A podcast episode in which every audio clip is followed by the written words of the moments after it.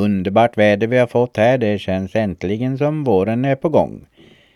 Det innebär tranor vid Hornborga sjön så jag får ta och packa min kamerautrustning och ta mig en tur dit och se om vi kan få några fina bilder.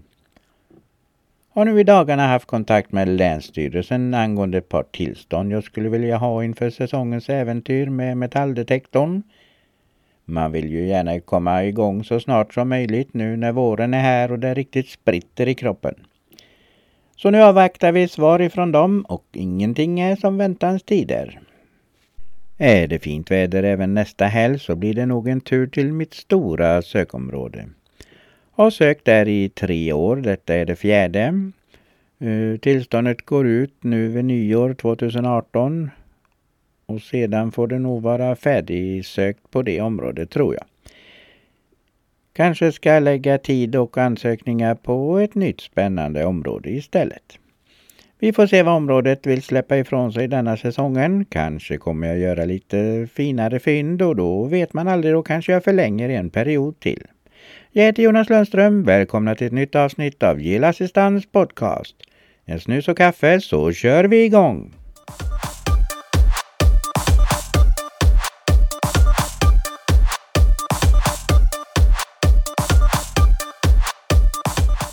Lite tips till alla er som vill ut och fota i det här strålande fina vårvädret. Lite att tänka på inför en fotopromenad helt enkelt. Börja med att tänka på att packa lätt. Det vanligaste misstaget jag gjorde i början var att jag packade alldeles för mycket i kameraväskan. För man vet ju aldrig riktigt vad man kan tänkas behöva, eller hur? När man går omkring i flera timmar i stad eller i skog så blir det efter ett tag ganska jobbigt att släpa runt på massa kilo som man ändå inte använder. Fundera på vad målet med fotopromenaden är och anpassa utrustningen därefter. Från att tidigare haft med mig både kamera, 3-4 objektiv, blixt och allehanda tillbehör så består min utrustning idag nästan uteslutande av en kamera och ett objektiv. Och det brukar räcka gott och väl. Klä dig bekvämt. Ta reda på vad det blir för väder och anpassa kläderna därefter. Det finns inget jobbigare än att behöva släpa omkring på en extra tröja bara utifall att det skulle bli kallt eller börja regna. Självklart kan man inte lita riktigt på väderprognoserna men det ger i alla fall en liten fingervisning om hur det kommer att bli. Bland det viktigaste att tänka på är nog eh, de skorna du tänker ha på dig. Ha hellre på dig ett par skor med några år på nacken som du kan gå längre i än de där nyinköpta som du knappt har hunnit gå in. Att gå runt och fotografera i flera timmar är påfrestande för hela kroppen om man inte är van.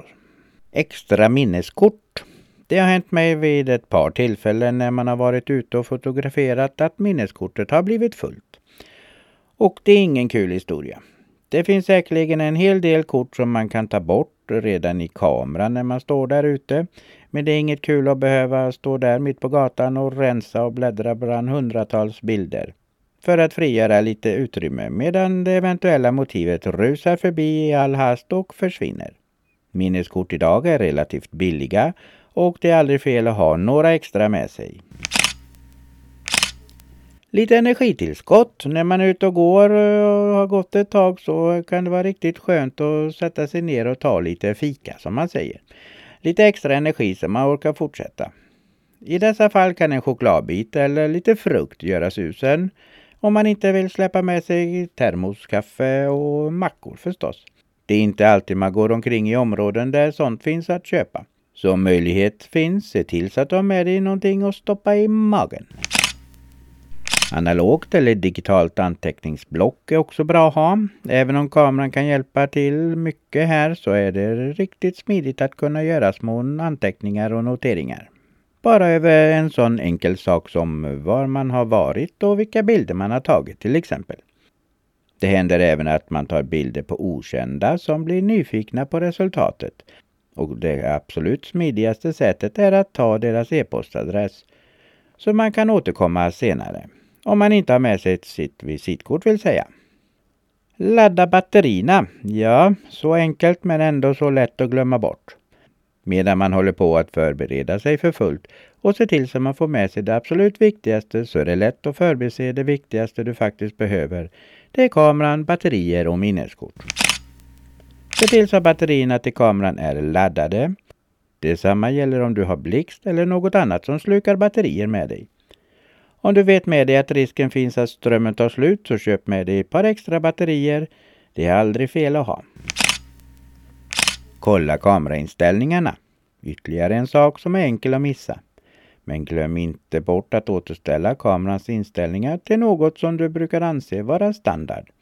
Det kanske var lite mörkt ute senast eh, du var ute och tog bilder och då står kanske ISO-inställningen på 1600 och detta är ju inte riktigt optimalt om man exempelvis vill ut och fotografera dagtid.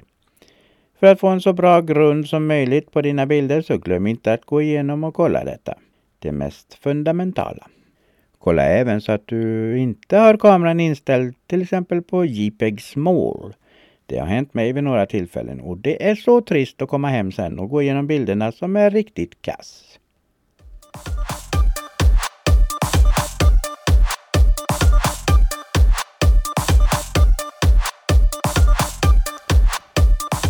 Jag tänkte ta upp lite utav historiens mäktigaste vikingar. Några utav dem i alla fall. Till exempel Harald Blåtand på 900-talet. Vikingakungen införde kristendomen i Danmark och byggde fyra stora vikingaborgar. Förklarade krig mot sin son Sven Tveskägg, förlorade och tvingades fly ur sitt eget rike. Gorm den gamle på 910-talet till 958. Enligt runstenen i Gälling enade Gorm Danmark och blev danskarnas första kung. Vissa historiker anser dock att Gorm inte styrde över hela Danmark utan enbart över Jylland.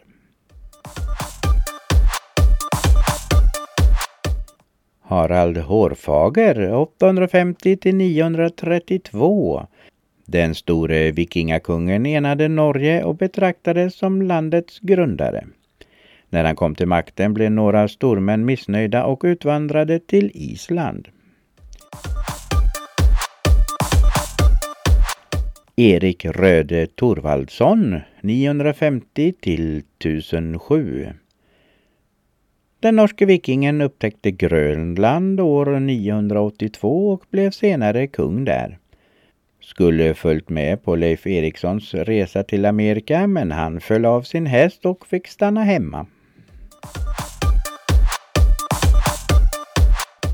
Björn Järnskida på 800-talet. Den danske vikingen seglade ut år 859 och var en av de första vikingarna på Medelhavet. Han tänkte plundra det mäktiga Rom men råkade istället inta staden Luna i Italien. Sven Tveskägg år 960 till eh, 1014. Den danske vikingen segrade i ett blodigt inbördeskrig och erövrade sedan stora delar av England. I februari 1014 dog Sven Tveskägg plötsligt. Historikerna anser att han blev förgiftad. Ragnar Lodbroke på 800-talet seglade till Paris år 845 med 5000 man och tvingade frankerna att betala 7000 pund i silver. Alla uppgifter om Ragnar Lodbrok kommer från vikingasagorna som inte riktigt är tillförlitliga. Leif Eriksson 970 till 1020 Vikingen som seglade från Grönland till Amerika omkring år 1000 ungefär 500 år före Columbus. Några historiker menar att islänningen Bjarni siktade Amerika cirka 15 år före Leif. Rollo år 846 till 932. Vikingahövdingen härjade så vilt i frankernas rike att hans fiender gav honom Normandie som betalning för Normandie tvingades Rollo svära frankerna trohet och låta döpa sig.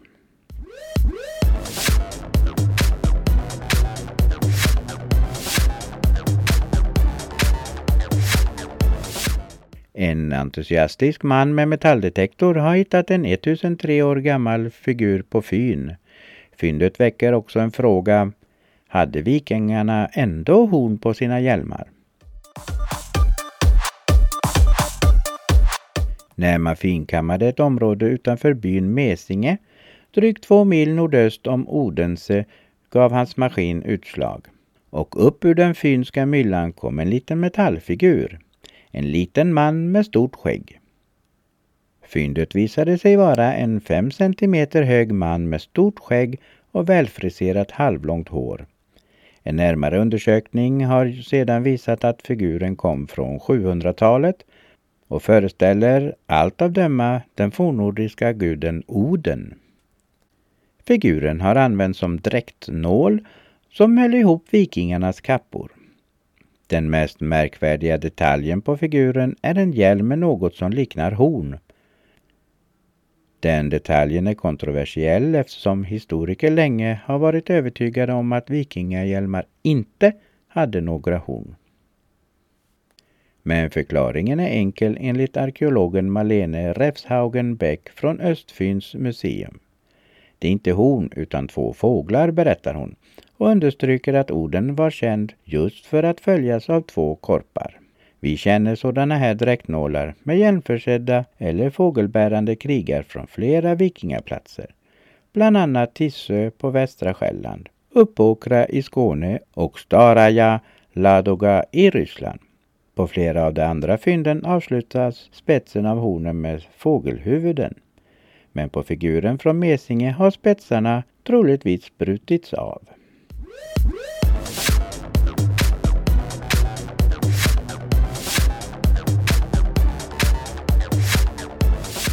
Ända fram till 1600-talet var européerna övertygade om att enhörningar, hästar med horn i pannan, levde i fjärran trakter. I flera hundra år tjänade vikingarna och deras efterföljare enorma summor på att sälja horn från enhörningar. Ingen har någonsin sett detta fabeldjur, men det påstås att varelsens långa spiralvridna utväxt i pannan kan bota sjukdomar och rena vatten. Även små bitar av hornet kostade en förmögenhet. Efter fem månaders seglats till nordligaste Kanada återvände engelsmannen Martin Forbisher den 23 september 1577 till England med lastrummet fullt av 200 ton malm. Den djärve upptäcktsresande antog att de svarta stenskärvorna i lasten på hans fartyg innehöll stora mängder guld, men han blev besviken. Vid närmare undersökning av kunnigt fackfolk visade sig malmen vara helt värdelös svavelkis, eller mera känd som kattguld. Stenarna slutade sina dagar som fyllningsmaterial i Englands gropigaste vägar. Men Forbisher hade som tur var ett trumfkort som med all säkerhet skulle få drottningen Elisabeth den första av England samt expeditionens alla övriga sponsorer att stödja en ny resa till Kanada. I ett brev till drottningen beskrev Forbisher den värdefulla skatt han hittat långt norrut. Det var ett horn från ett djur, men inte vilket djur som helst. Det här hornet är vridet och rakt som ett vaxljus och har sannolikt tillhört en havsenhörning. Forbisher gav enhörningens horn till drottningen som förvarade det tillsammans med sina kronjuveler. För i slutet av 1500-talet fanns det inget mer värdefullt än ett horn från en enhörning. Rika förstar betalade förmögenheter för de långa spiralvridna statussymbolerna och ett enda enhörningshorn kostade lika mycket som en borg. Skandinaviska handelsmän som försåg Europa med enhörningshorn tjänade multum på affärerna. Men alltihopa var en enda stor bluff. Svindeln med enhörningshorn kan spåras till vikingatiden. Under vikingarnas kolonisering av Grönland på 1000-talet stötte de på narvalen. som har lång, vriden tand i överkäken. Tanden påminde om ett horn som enligt medeltidens legender satt på enhörningens panna. Ingen vet riktigt vem som kom på idén till bluffen att kalla narvalens tand för ett enhörningshorn. Men snart började vikingarna med näsa för affärer att sälja hornen för hutlösa priser till köpmän förstar i hela Europa. Bluffen förblev en välbevarad hemlighet eftersom det under drygt 500 år bara var vikingarna och deras skandinaviska efterföljare som reste tillräckligt långt norrut för att träffa narvalar. Först på Forbishers tid började resten av Europa att besegla de iskalla haven norr om Kanada i jakt på Nordvästpassagen, genväg till Kinas silke och Indiens eftertraktade kryddor. Det är inte bara enhörningshorn som såldes för enorma summor under medeltiden och renässansen.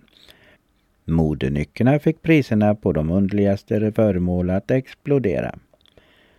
Speglar till exempel. På 1500-talet uppfann venetianska glasmakare ett sätt att tillverka speglar av glas och kvicksilver. Metoden gav de klaraste speglarna i hela världen och priset nådde svindlande höjder. I slutet av 1600-talet bytte en fransk grevinna en hel bondgård mot en venetiansk spegel. Så länge produktionsmetoden hemlighölls hade Venedig nära nog monopol på produktion av speglar i Europa och staden tjänade stora pengar på dem. Jaktfalkar Under medeltiden och renässansen uppskattade adelsmän jaktfalk. Fåglarna var så värdefulla att när Johannitierorden 1530 hyrde Medelhavsöarna Malta och Gozo var den årliga hyran en jaktfalk.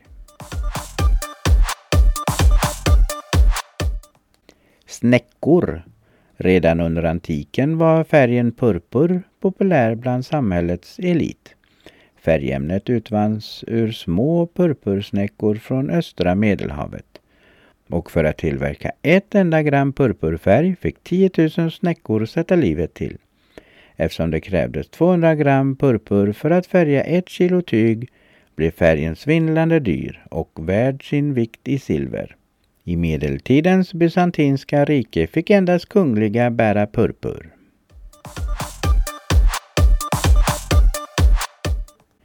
Reliker för en mindre förmögenhet kunde man under medeltiden bli innehavare av en relik som skyddade mot olyckor och utförde mirakel.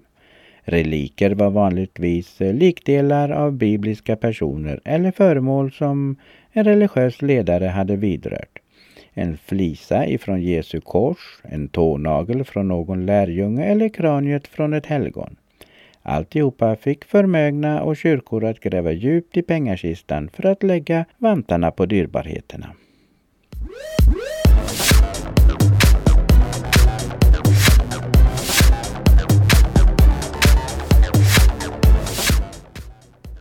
Det var allt vi hade för den här veckan.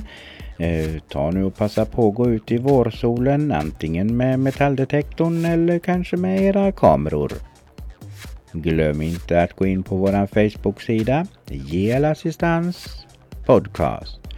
Där kan du skicka meddelande via meddelandefunktionen eller via våran e-post podd gelassistans.se och har du ett eh, detektorintresse så besök gärna våran andra sida Gelassistans Metal Detecting. Vill ni så hörs vi igen nästa vecka. Ha det bra! If you've enjoyed this episode, share it with your friends. Keep listening to our weekly episodes to find out more. Download episodes of previous shows. If you enjoyed today's show, please head over to iTunes, give us a rating, and leave a review.